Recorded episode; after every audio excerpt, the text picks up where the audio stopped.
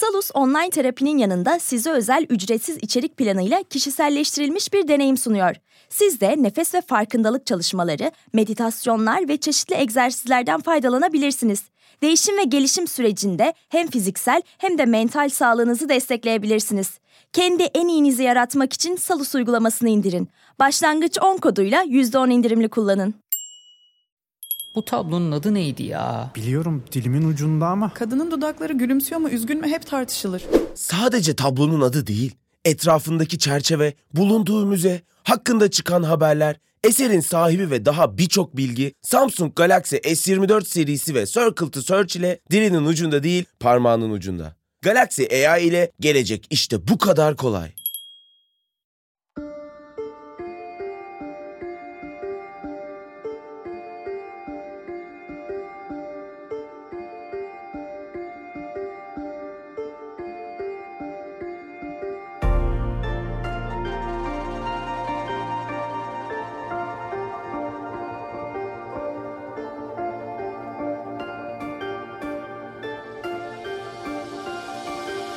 Herkese merhaba.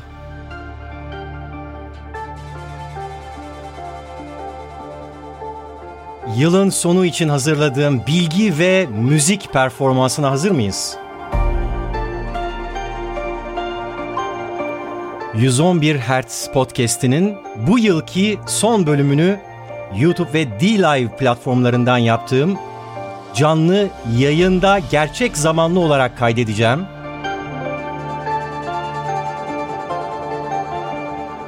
Yayında bir yandan dünyanın en önemli fotoğrafının hikayesini hazırladığım görseller eşliğinde anlatırken bir yandan da duyacağınız tüm müzikleri, tüm ses alıntılarını, ses efektlerini, ambiyansları eş zamanlı olarak mixleyeceğim.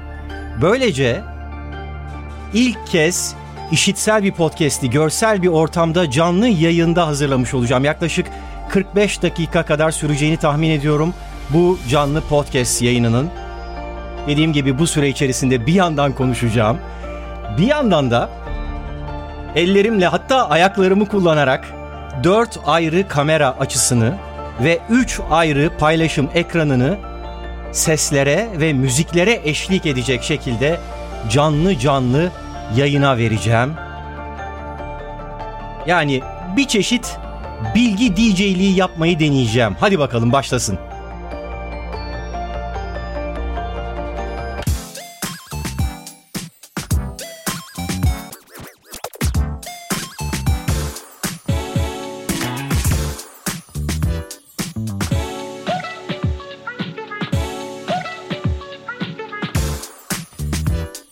Elbette her bölümü bu şekilde kaydetmiyorum. Normalde YouTube videolarımı kendim hazırlıyorum. A'dan Z'ye her şeyini. Ama podcast olarak dinlediğiniz tüm 111 Hz bölümlerinin arkasında ekip arkadaşlarım da var. Hatta bu yayına hazırlık toplantısında çektiğim şu arkadaşlardan söz ediyorum. Birazdan onlara ayrıca bir teşekkür de edeceğim ama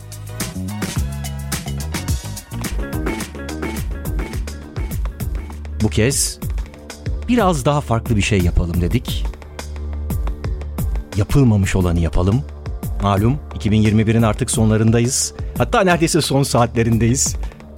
O yüzden Podbi ekibiyle birlikte sizlere bir çeşit yeni yıl hediyesi verelim istedik. Bu canlı bir podcast performansı olacak dediğim gibi ve umuyorum ki sizlerin de çoğunlukla işitsel bir format olan bu podcast konusuna karşı bir farkındalık kazanmanızı ve ilgi duymanızı sağlayacak.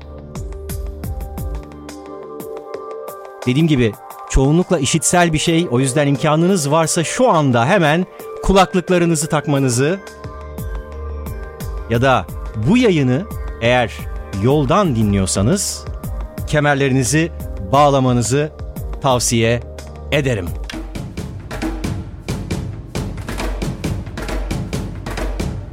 Evet şu anda hem YouTube'da hem de D-Live'da bu yayını canlı olarak izleyen binlerce kişi var. Sanıyorum birkaç dakikaya bu daha da artacaktır. Siz bu kadar kişinin arasında mısınız? Bu podcast'i canlı yayında mı ilk kez izlediniz? Yoksa daha sonra şu anda yaptığım, şurada yaptığım kaydı e, dinleyen Spotify'dan, Google Podcast, Apple Music her nereden e, podcastleri takip ediyorsanız oradan dinleyen kişiler arasında mısınız bilmiyorum ama her halükarda sizlere hoş geldiniz diyorum. Dediğim gibi 2021'in artık sonlarındayız ve yıl sonu ne yapılır? Bence şöyle arkaya doğru bir yaslanılır ve geçmişe genel bir bakış atmak, birkaç adım geriye çekilip olan bitenlere biraz uzaktan bakabilmek için çok güzel bir zaman dilimidir. Şimdi ben de bu podcast özelinde şöyle bir şey yapacağım. Sizlere birkaç hafta öncesine götüreceğim ve bir şey dinleteceğim. Neyse çoğu kişi beni görüntülü iletişim dünyasından tanıyor ama ben ondan da önceleri podcast sevdalısı biriydim. Hikayelerimi bu seslerin çok özel dünyasına özel hazırlamayı da çok istiyordum. Yıllarca bu isteği erteledikten sonra nihayet bu yıl 111 Hz projesini hayata geçirdik. Geçirdik diyorum, çoğul konuşuyorum çünkü arkasında gerçekten çok büyük emek var. O yüzden bu ödül sadece bana değil, onu hak eden diğer ekip arkadaşlarıma, Berkant'a, Zuhat'a, e, Metin'e, Barış'a, Can Dost'a ve elbette yapımcım Podbi Medya'ya da gidiyor. Diğer kategorilerde kazanan tüm podcast yapımcılarını da canı gönülden tebrik ediyorum.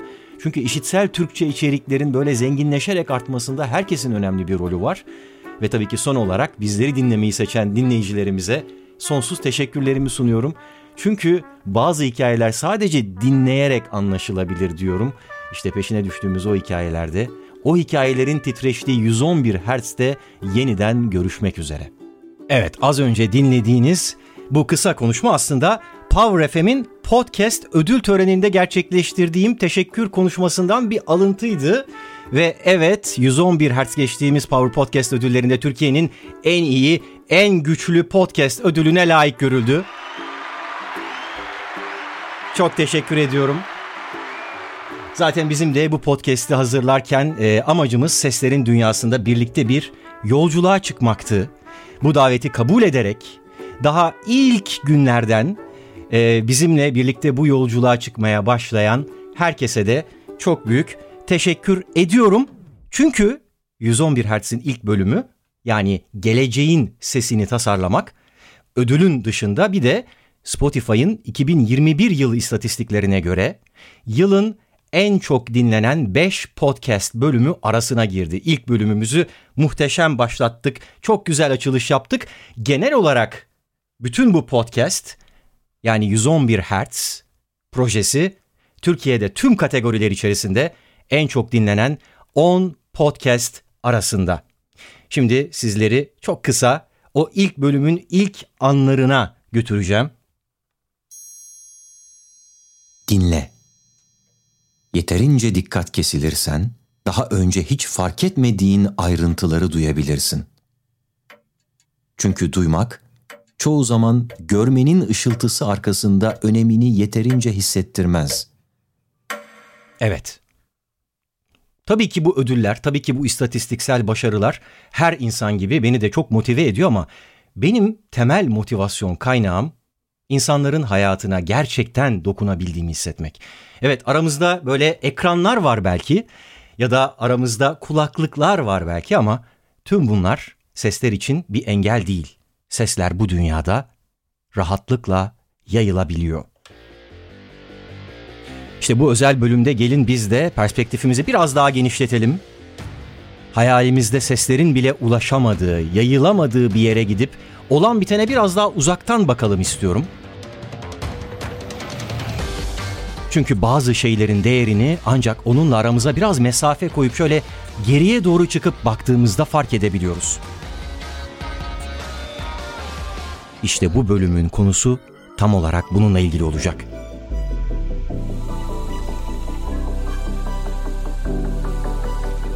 Bir şeylere uzaktan, daha önce hiç bakılmamış bir perspektiften bakmakla ilgili yani.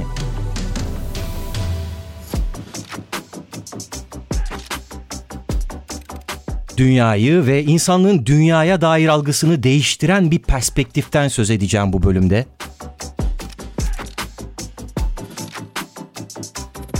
Ve elbette bu perspektiften çekilmiş bir fotoğraftan. Bu öyle bir fotoğraf ki Times dergisi onu dünyanın en etkili 100 fotoğrafı arasında göstermiş. Üstelik işin garip yanı, bu fotoğraf öyle profesyonel bir fotoğrafçı firandan çekilmemiş. Bu fotoğrafı çeken kişinin asıl mesleği astronotluk. Bu bölüm sadece bir fotoğrafın hikayesinden de ibaret olmayacak. Fotoğraf bahane, sohbet, podcast şahane olacak dedim ya. Olaylara biraz uzaktan bakacağız bugün. Çünkü bu fotoğrafın önemini anlayabilmek için birkaç adım geriye gitmemiz gerekli. Bu yüzden biz de tarihte birkaç adım geriye, tarihin karanlık sayfalarına bir yolculuk yapacağız. Çünkü bazı hikayeler geçmişini bilmediğinizde anlamını kavrayamayacağınız türdendir. O türden hikayeleri anlayabilmek için geriye çekilip olaylara biraz yukarıdan, biraz uzaktan bakmak gerekebilir. İşte biz de bunu yapacağız. Hazırsanız başlayalım.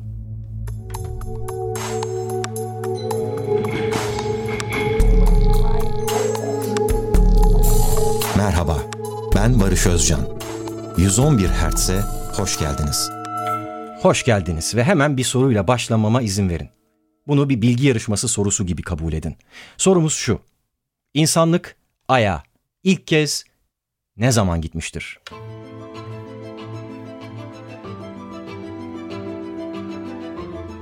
Böyle bir soruyu ilk kez duyduğunuzda aklınıza ister istemez hemen Apollo 11 ve tabii ki Neil Armstrong isimleri geliyor öyle değil mi? E ne de olsa Ay'a ilk ayak basan kişi oydu. Hemen onun meşhur sözünü hatırlıyor insan.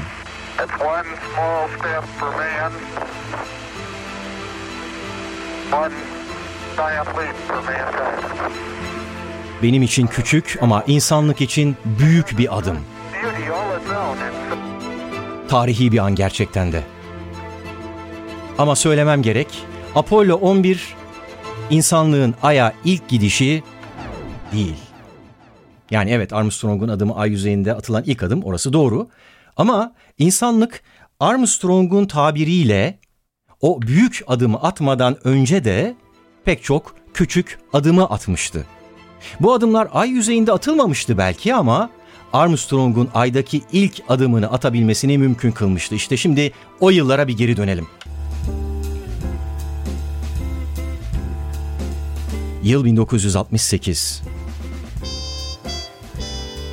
Neil Armstrong'un aydaki o ilk adımını atmasından sadece bir yıl önce Florida'daki John F. Kennedy uzay üssünde şu sesler yankılanıyordu.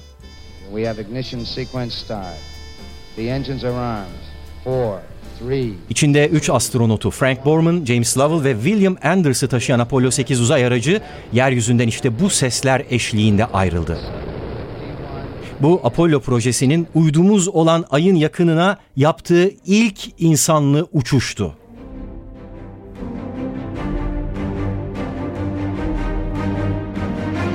Apollo 8'in görevi oldukça açıktı aslında.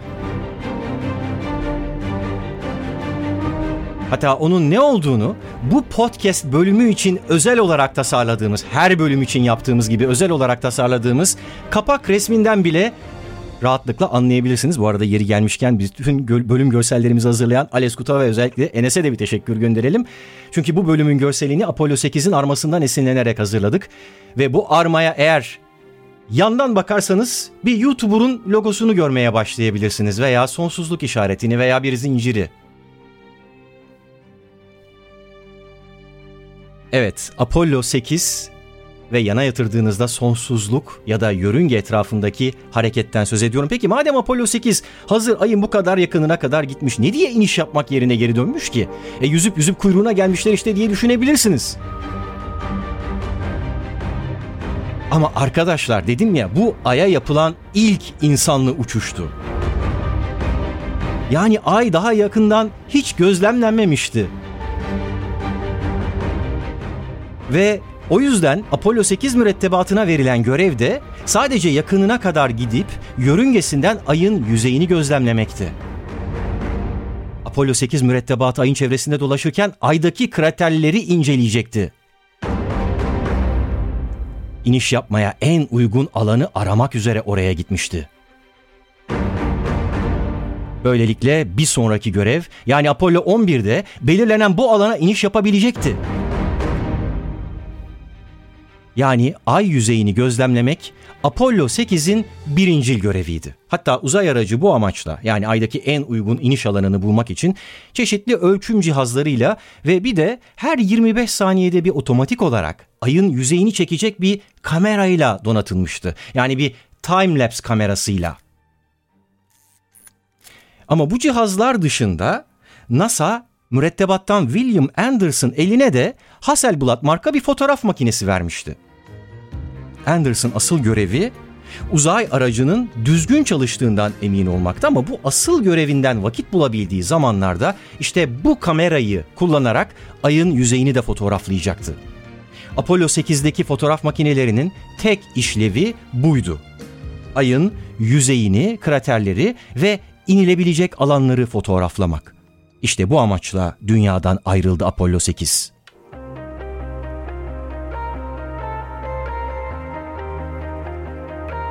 Ve ayın yörüngesine ulaşması tam 3 gün sürdü. Bu dünya yörüngesinden yani dünyanın alçak yörüngesinden ayrılan ilk insanlı uzay aracıydı ve ayrıca mürettebatın iniş yapmadan yörüngede döndüğü aya yani dünyadan başka bir astronomik nesneye bir gök cismine ulaşan ilk insanlı uzay uçuşuydu. Onun içindeki insanlar bugüne kadar yaşamış tüm insanlar içerisinde dünyadan en uzak noktaya giden ilk kişilerdi. İşte bu kişilerden biri olan Frank Borman uzayda 3 gün sürecek olan bu yolculuğu bakın nasıl anlatıyor. When you're in the space between the earth and the moon, it's entirely different than when you're going around the earth.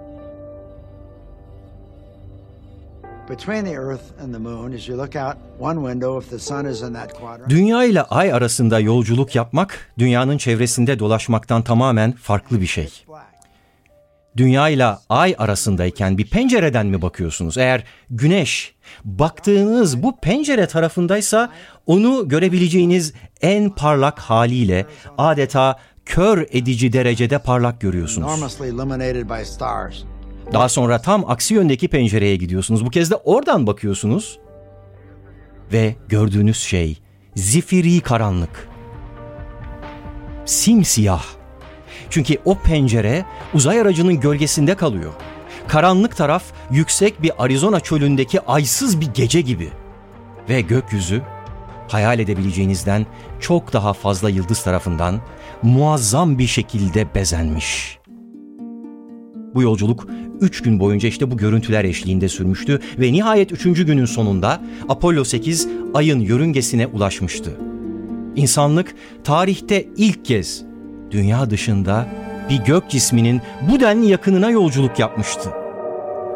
Düşünebiliyor musunuz? Atalarımızın binlerce yıl boyunca yeryüzünden baktığı, kimi zaman onu tanrı sandıkları bu gök cisminin yanında şimdi onların torunları vardı. Onun yörüngesindeydiler ve yavaş yavaş etrafında dolanıyorlardı. Ama Apollo 8 mürettebatı bundan daha fazlasını da yapacaktı. Şimdi ayla ilgili bilgilerimizi bir tazeleyelim istiyorum. Biliyorsunuz ayın bizim asla göremediğimiz bir yüzü var. Nasıl yani? Ay kendi ekseni etrafında dönmüyor mu? Nasıl asla göremediğimiz bir yüzü olabilir diye soruyorsanız eğer açıklamaya çalışayım. Evet ay kendi ekseni etrafında dönüyor ve bu dönüş, bu dönüş tam 27 gün sürüyor. Bu da neredeyse bir aya yakın bir süre zaten ay diyoruz ya bizde takvimlerde işte. Sorun tam da burada çünkü ayın dünya etrafındaki turu da 27 gün 8 saat sürüyor.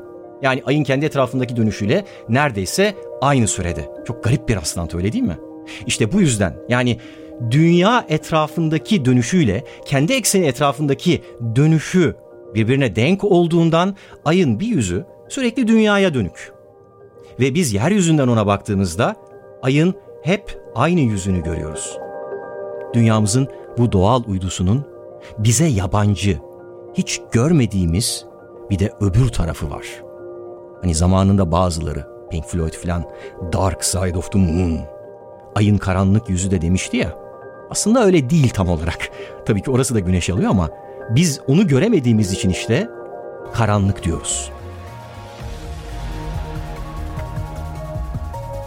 Astronotlar ayın dünyadan görünmeyen yüzüne vardıklarında Houston uzay merkezindeki NASA çalışanları Apollo 8 mürettebatına ay nasıl görünüyor diye çok büyük bir merakla sordular. Şimdi bu soruyu ve astronotların verdikleri cevabı bir dinleyelim. Houston,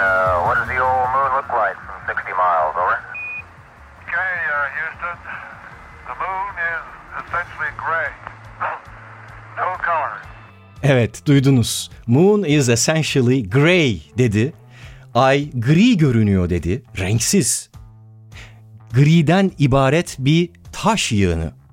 Orada ne bir renk ne de bir hayat belirtisi var.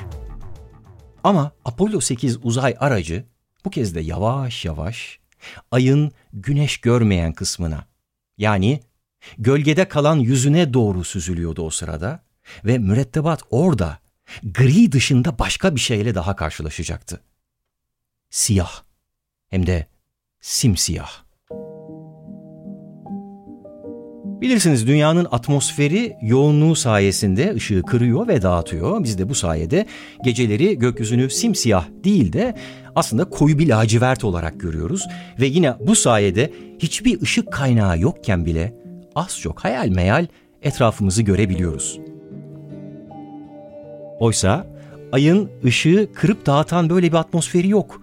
Güneşi görmeyen ve gölgede kalan kısımlar işte bu yüzden tamamen karanlık.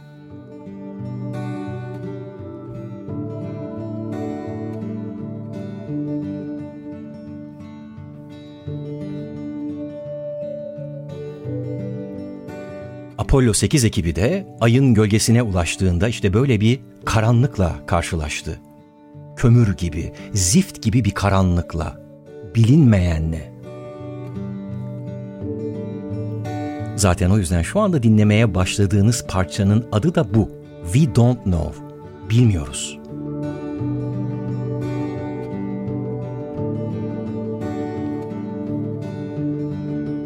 Peki başka neyi bilmiyoruz? Peki başka ne karanlık?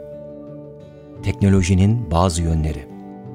Mesela insanlığın aya gidebilmesini mümkün kılan teknolojinin tarihindeki bazı sayfalar. Karanlık. Hem de zifiri karanlık. Evet. İnsanlığın aya gidebilmesini mümkün kılan teknolojinin tarihi gibi karanlık dedim, farkındayım. Şimdi bilimsel gelişmelerin tarihi bakın bilimsel diyorum. Bunların tarihi nasıl olur da karanlık olabilir ki diye soruyorsanız eğer dinleyin.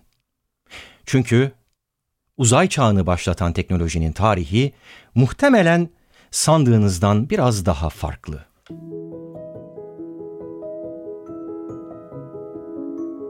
Bölümün başında insanlığın ilk kez ne zaman Ay'a gittiğini sormuştum. Şimdi benzer birkaç soru daha sormama izin verin. Sizce uzaya gönderilen ilk insan yapımı nesne nedir? Ne zaman ve kim tarafından gönderilmiştir uzaya?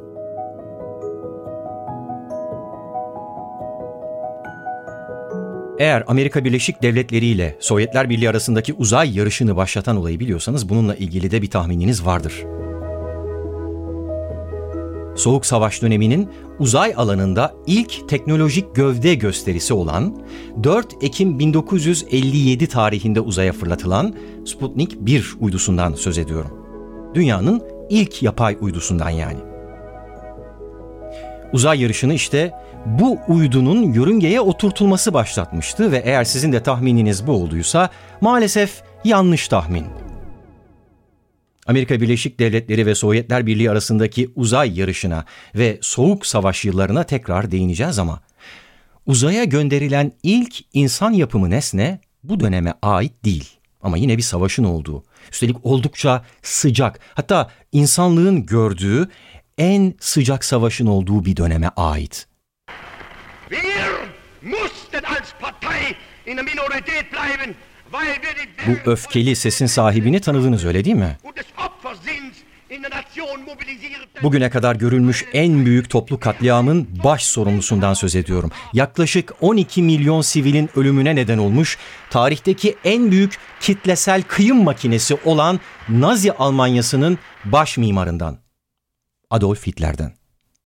Salus uygulamasında klinik psikologların yanında online görüşme yapabileceğiniz farklı uzmanlar da var. Çocuk gelişim uzmanı, diyetisyen veya fizyoterapist. Bu sayede değişen ihtiyaçlarınıza uygun beslenme, egzersiz ve sağlıklı yaşam rutinleri oluşturabilirsiniz. Salus uygulamasını indirin ve başlangıç 10 koduyla %10 indirimden yararlanın. Detaylar açıklamalarda ve salusmental.com'da. Sence gelecek nasıl olacak? Gördüğün her şey hakkında anında bilgi sahibi mi olacaksın? Gecenin karanlığında çok uzaklarda bir baykuşun kanat çırpışını hemen önündeymiş gibi mi göreceksin? Ya da duydukların senin için dönüp bakabileceğin notlara mı dönüşecek? Şimdi cebinden Samsung Galaxy S24 Ultra'yı çıkar. Bunların hepsi işte bu kadar kolay.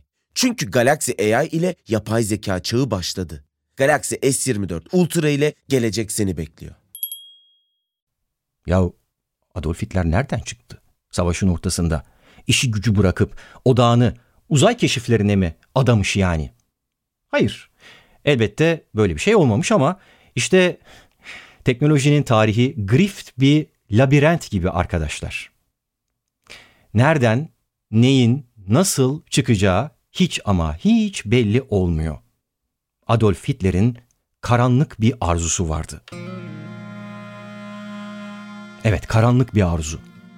Almanya'yı dünyadaki tartışmasız en büyük askeri güç yapacak bir teknolojiyi icat etmek.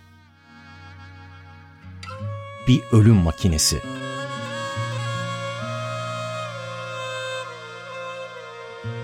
Bu öyle bir teknoloji olmalıydı ki en az zayiatla karşı tarafa en büyük hasarı yaşatmalıydı.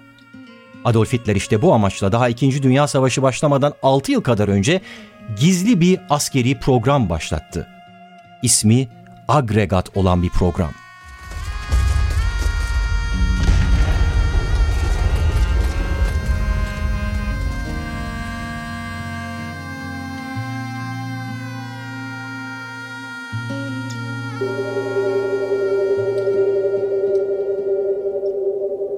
Program boyunca özellikle de 2. Dünya Savaşı yıllarında toplama kamplarından alınan binlerce insan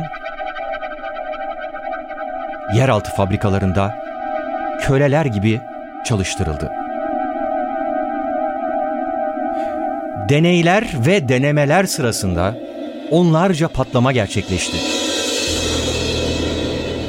Bu programda köle gibi çalıştırılan bu işçilerin 12 bin ila 20 bin kadarının hayatını kaybettiği zannediliyor.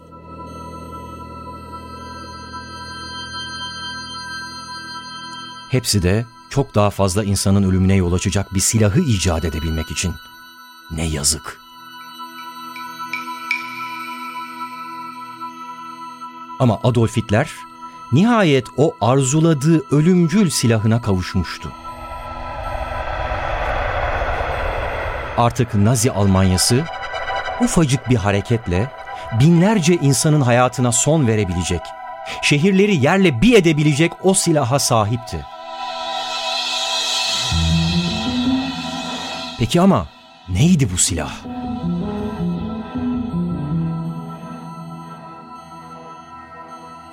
Cevabı hemen vermeden önce başka bir soruyu düşünmenizi istiyorum. Yapay uyduları, keşif araçlarını, uzay sondalarını,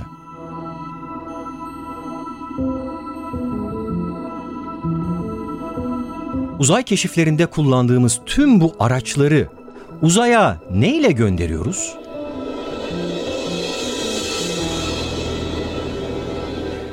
Galiba konu bilim ve uzay keşifleri olduğunda çoğumuzun unuttuğu, göz ardı ettiği veya hiç aklımıza bile gelmeyen bir ayrıntı var. Her uyduyu, her keşif aracını ve her uzay kapsülünü dünya atmosferinden çıkarken modül modül birbirinden ayrılarak gökyüzüne yükselen bir teknoloji taşıyor aslında.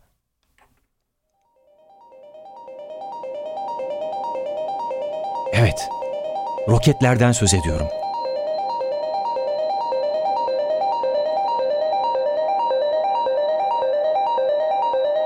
Yani roket diye bir şey icat edilmemiş olsa, bu teknoloji ilerlememiş olsa uzaya çıkmak muhtemelen bir hayal olarak kalmaya devam edecekti. İşte Hitler'in karanlık arzusunu tatmin eden agregat programının icat ettiği ölüm silahı da tam olarak buydu. Bir roket. Balistik bir füze. En az zayiatla en çok hasarı veren silah işte buydu.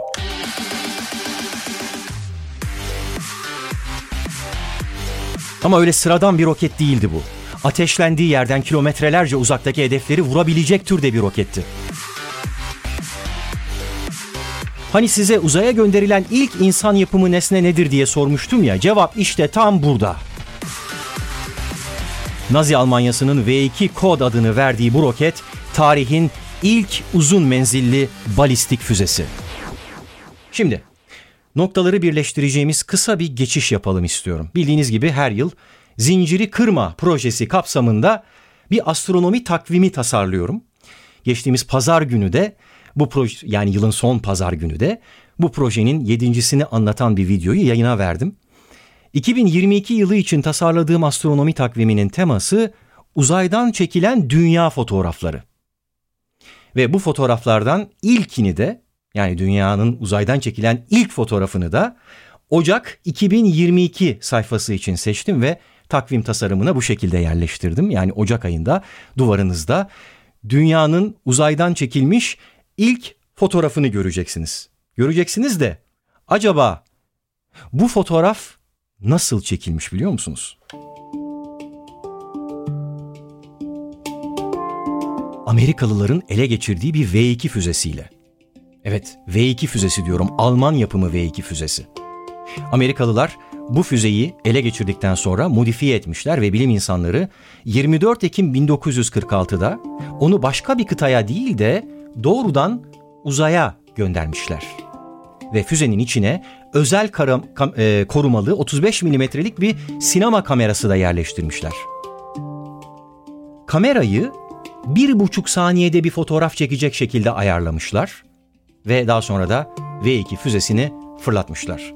İşte sürekli çekim modunda yükselen bu füze dış uzayın başlangıcı olarak kabul edilen Karman çizgisini tarihte ilk kez geçip 105 kilometre yükseklikten bu fotoğrafı kaydetmiş.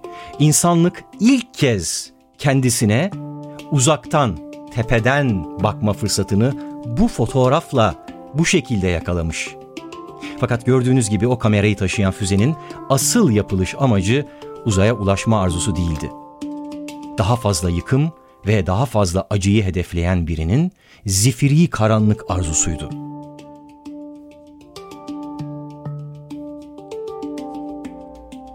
Ama bu karanlık arzu yalnızca Nazi Almanyası tarafından kullanılmadı. Soğuk Savaş dönemini bir hatırlayın. Hem Amerika hem Sovyetler Birliği bu dönemde yüzlerce nükleer füze inşa etti. Hepsi de Karman çizgisini aşıp kıtalar arası mesafeleri kat edebilecek nükleer başlıklı füzelerdi bunlar. Soğuk Savaş döneminde o kadar çok nükleer füze üretildi ki eğer sıcak bir savaş yaşansaydı ve bu füzelerin tamamı kullanılsaydı dünya üzerindeki yaşam bütünüyle ortadan kalkabilirdi.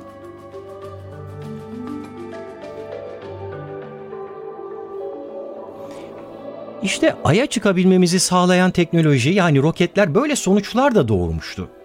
Dedim ya bu teknolojinin keşfedilme amacı tam da bu karanlık sonuçlara ulaşmakta aslında ama savaşların uzaya çıkmamızdaki tek rolü bu değil. Ay'a ulaşma arzusu ve Apollo 8 görevi de bir savaşın sonucu değil mi? Soğuk Savaş'ın ortasında Sovyetler Birliği'nin 1957 yılında Sputnik uydusunu fırlatması bir bakıma yine bir teknolojik ve askeri güç gösterisiydi. Bakın uzaya bir uydu yerleştirdik. Bakın biz bu kapasiteye sahibiz ve bu uydular aracılığıyla eğer istersek istediğimiz zaman dünyanın her yerini gözlemleyebiliriz diyordu bir bakıma Sovyetler Birliği. Tahmin edeceğiniz gibi bu Amerika Birleşik Devletleri için tam bir kabus senaryosuydu ve karşılığı da verilmeliydi. Nitekim verildi de. Soğuk Savaş'ın iki tarafındaki bu iki süper güç işte böylece bir teknoloji savaşına, bir uzay yarışına başladılar. Uzaya gönderilen ilk hayvandan tutun, uzaya gönderilen ilk insana ve ilk uzay yürüyüşüne kadar her ilk tarafların hem birbirine hem de tüm dünyaya yaptığı bir gövde gösterisiydi aslında. Bu uzay yarışına nokta koyacak büyük hedefse dönemin Amerikan Başkanı John F. Kennedy tarafından belirlenmişti. We choose to go to the moon. We choose to go to the moon in this decade and do the other things. Not because they are easy, but because they are hard. Evet, Ay'a gitmeyi Amerika'nın hedefi olarak belirlemişti Kennedy ve Apollo projesi işte tam böyle bir amaçla ortaya çıkmıştı. Çıkmıştı çıkmasına ama şimdi biz nelerden bahsediyorduk, nerelere geldik değil mi? Tekrar bir Apollo'ya dönelim. Lafa tutulduk. Bölümün başında yolculuğuna ortak olduğumuz Apollo 8'i unuttuk sanmayın. Unutmadık. Asıl hikayemiz orada devam edecek. Şimdi hatta gidelim mürettebatın yanına bir dönelim. Hatırlayın biz insanlığı uzay keşiflerine taşıyan teknolojinin karanlık geçmişini konuşurken astronotlarımız da ayın karanlık tarafına aslında karanlık değil diye sürekli de belirtiyorum. Bizim göremediğimiz tarafına henüz geçmişlerdi. Şimdi ise biz tarihin karanlık sayfalarında yolculuğumuzu tamamlarken onlar da ayın karanlık tarafındaki yolculuklarını tamamlamak üzereler. Bakın neredeler. All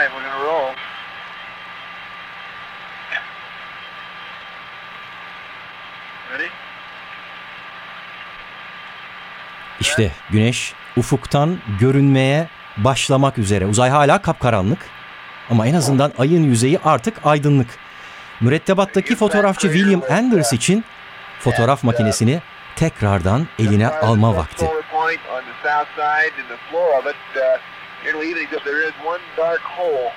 Hiçbir yaşam belirtisi olmayan, alabildiğine gri ve alabildiğine ruhsuz ve sıkıcı ay yüzeyini ve kraterleri yeniden fotoğraflama vakti.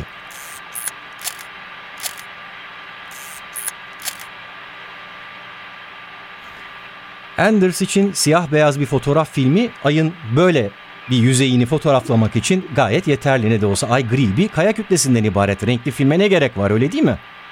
Öyle tabii. Ta ki William Anders fotoğraf makinesinin deklanşöründen kafasını kaldırıp Apollo 8'in camından dışarıya bakıncaya dek. Hey, don't take that. It's not. Ayın ufuk çizgisinden dünya görünmeye başlamıştı o sırada. Görüyorsunuz hemen bana çabuk çabuk bana renkli film rulosunu ver dedi.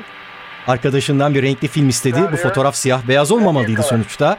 Sonsuz karanlığın ortasında bir mucize gibi masmavi parlayan bu gezegen tabii ki renkli filme çekilmeyi hak ediyordu. Ama ama Apollo 8 bir yandan da kendi ekseninde durmadan dönüyordu. Bakın aceleyle birbirlerine hadi çabuk al ver diye panikle şey yapıyorlar. Ve Anders filmi değiştirinceye dek dünya Anders'ın penceresinin görüş alanından ne yazık ki çıkmıştı. Ama mürettebattan Jim Lovell aracın hemen diğer penceresini kontrol etti ve William Anders nihayet işte gördüğünüz duyduğunuz gibi bu bölüme, bu podcast bölümüne de ismini veren o dünyanın en önemli fotoğrafını çekebilme fırsatını yakaladı. Gerçekten de çok güzel bir görüntü. 250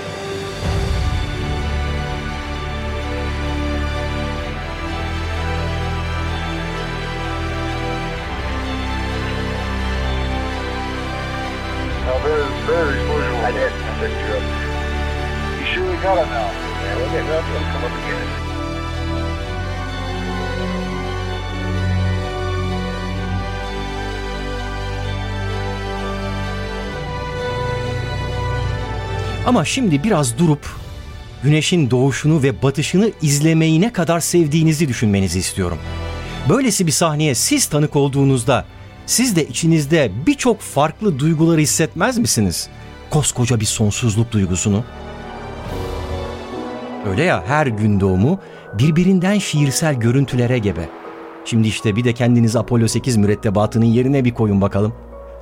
Karşınızda sizden yüz binlerce kilometre uzakta ayın ufkundan usul usul doğan bir gezegen var.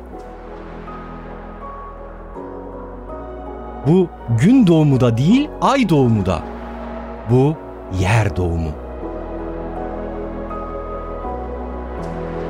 Tüm hayatınızı geçirdikten sonra ayrıldığınız o yeryüzünün ayın ufkundan görüldüğü o an. Adeta bir geriye bakış. Daha üç gün önce orada bir yerlerdeydiniz siz de. Bir düşünün. Siz nasıl hissederdiniz böyle bir manzara karşısında? Size şimdi Apollo 8 mürettebatının neler hissettiğini dinleteceğim.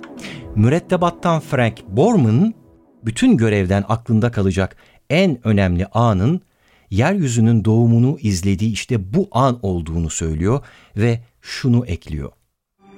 The question that we always receive, what was the most indelible view? What, what do you bring back? What, what do you remember after this flight? Aslında hiç kimsenin dünyanın fotoğrafını çekmek gibi bir planı yoktu diyor. NASA tarafından bize verilen görev yalnızca ayın fotoğraflarını çekmekti. Çünkü bilinmez olan şey oydu. Sonuçta hepimiz dünyada yaşıyorduk. Dünya bizim için oldukça sıradan, oldukça bilindik bir şeydi. Ama ayın ufuk çizgisinden dünyanın doğduğunu gördüğümüzde hepimiz büyülendik ve içimizde tarifi imkansız bir duygu hissettik. Simsiyah bir hiçliğin ortasında o kadar ufacıktık ki baş parmağımızla onu örtebiliyorduk. Bize ait olan her şey, ailemiz, arkadaşlarımız, evimiz ve ülkemiz işte bu baş parmağımızla kapatabildiğimiz ufacık gezegendeydi. Ve simsiyah hiçliğin ortasında o kadar güzel, o kadar canlı, o kadar renkliydi ki görev planımızda olmamasına rağmen birimiz bile bu anın fotoğrafını çekmekte ufacık bir tereddüt bile hissetmedik.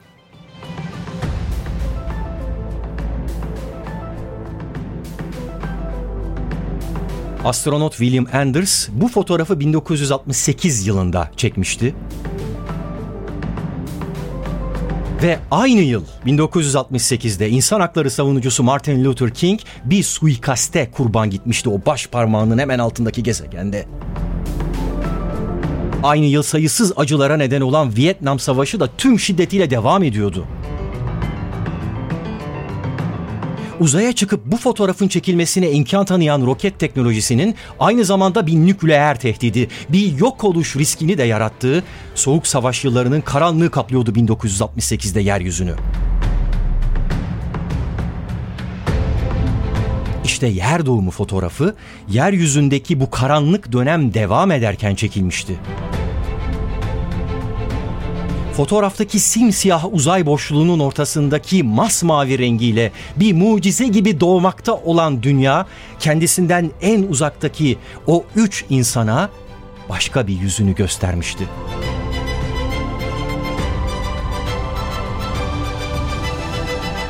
Acılarla, savaşlarla, kanla ve yok olma tehdidiyle karşı karşıya olan ufacık, kırılgan dünyamızın bu fotoğrafı biz insanlara da bazı şeyleri hatırlatmalı.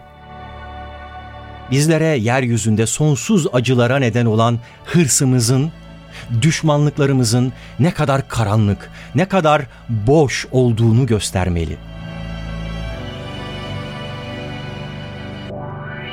Sınırların gözükmediği bir boşlukta hepimizin aynı gezegeni paylaştığını, hepimizin aynı gezegeni paylaşmakta olduğunu göstermeli.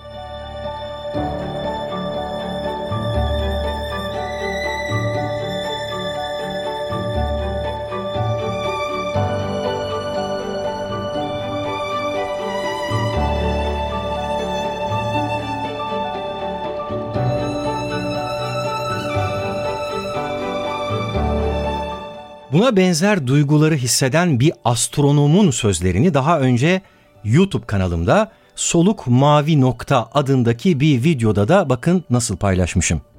Ayda yürüyen ilk kişi Neil Armstrong, oradan dünyayı ilk kez gördüğünde işte tam olarak bu etkiye yakalanmış. Birden farkına vardım ki o küçük mavi bezelye tanesi bizim dünyamızdı diyor Armstrong. Sonra bir gözünü kapatıp baş parmağını gördüğü dünyanın üzerine yerleştirmiş. İşte o anda kendini bir dev gibi algılayabilecekken çok çok küçük olduğunu hissetmeye başlamış. Uzaya çıkan bir başka kişi Sultan bin Salman el Saud ise yolculuğunu şöyle anlatıyor. İlk gün hepimiz kendi ülkelerimize işaret ettik. Üçüncü veya dördüncü gün birbirimize kıtaları gösteriyorduk. Beşinci gün geldiğinde sadece tek bir dünya görmeye başladık. Apollo 8'deki astronotlar da çektikleri fotoğraf karşısında benzer duyguları hissetmişti. Koskoca evren karşısında insanlığın ve dünyamızın ne kadar ufak, ne kadar önemsiz olduğunu anlamışlardı. Buna overview genel bir bakış etkisi de deniyor. Simsiyah boşluğun ortasında adeta bir elmas gibi, bir mucize gibi parlayan mavi gezegenimizin ne kadar biricik, ne kadar değerli olduğunu söylüyordu bu görüntü bizlere.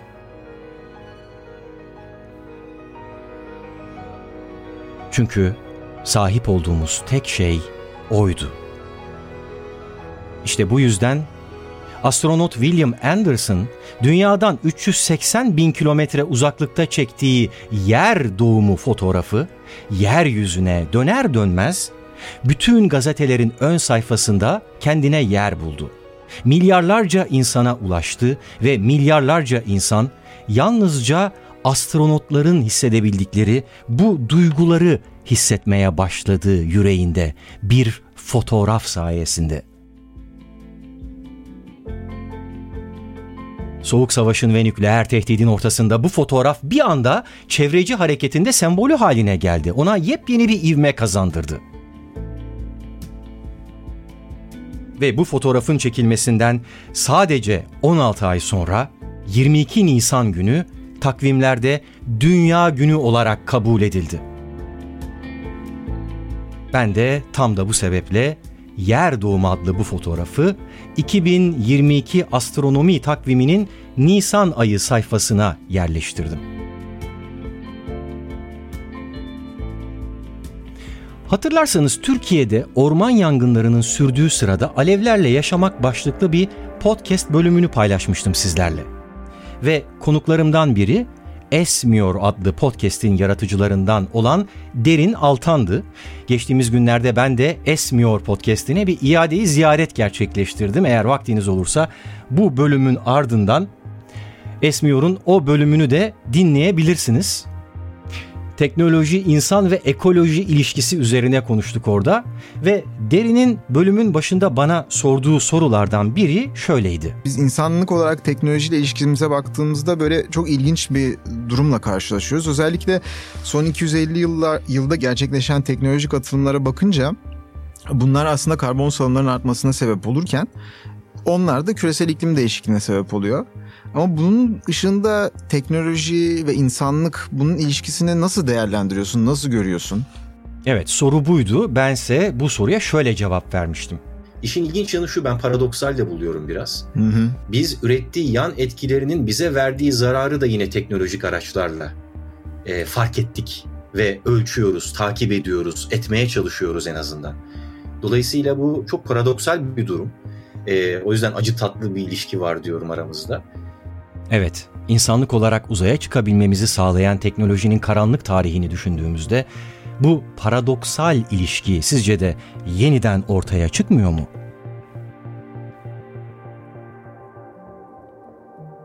Niçin icat edildi roketler?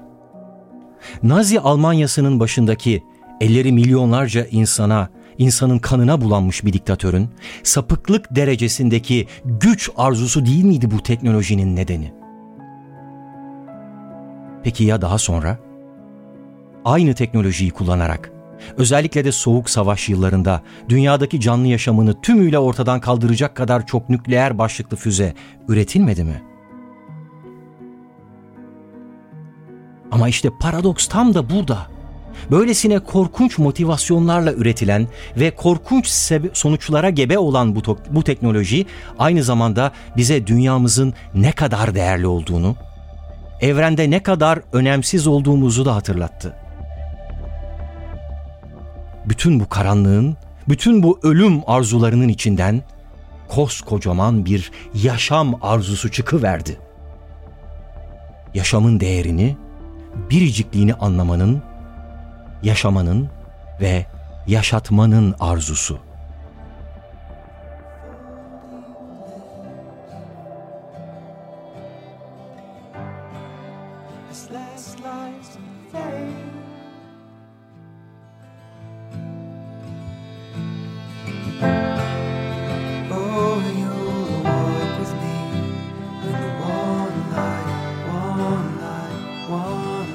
Apollo 8'in ve oradan çekilen yer doğumu fotoğrafının hikayesinin bize anlattığı şey bu sanırım. Hayat öyle garip, öyle girift labirentlere sahip ki belli bir amaçla yapılan bir eylemin bambaşka, hiç beklenmedik hatta tam aksi yönde sonuçları doğabiliyor.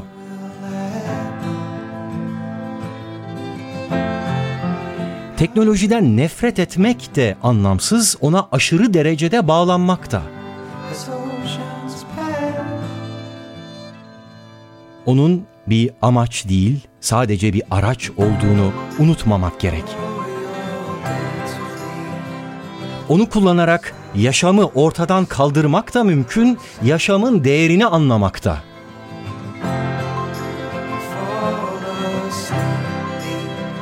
İşte bu bakış açılarından birini seçmeden önce en azından hayalimizde dünyaya uzaktan, çok uzaklardan bir kez daha bakmak gerekiyor bence.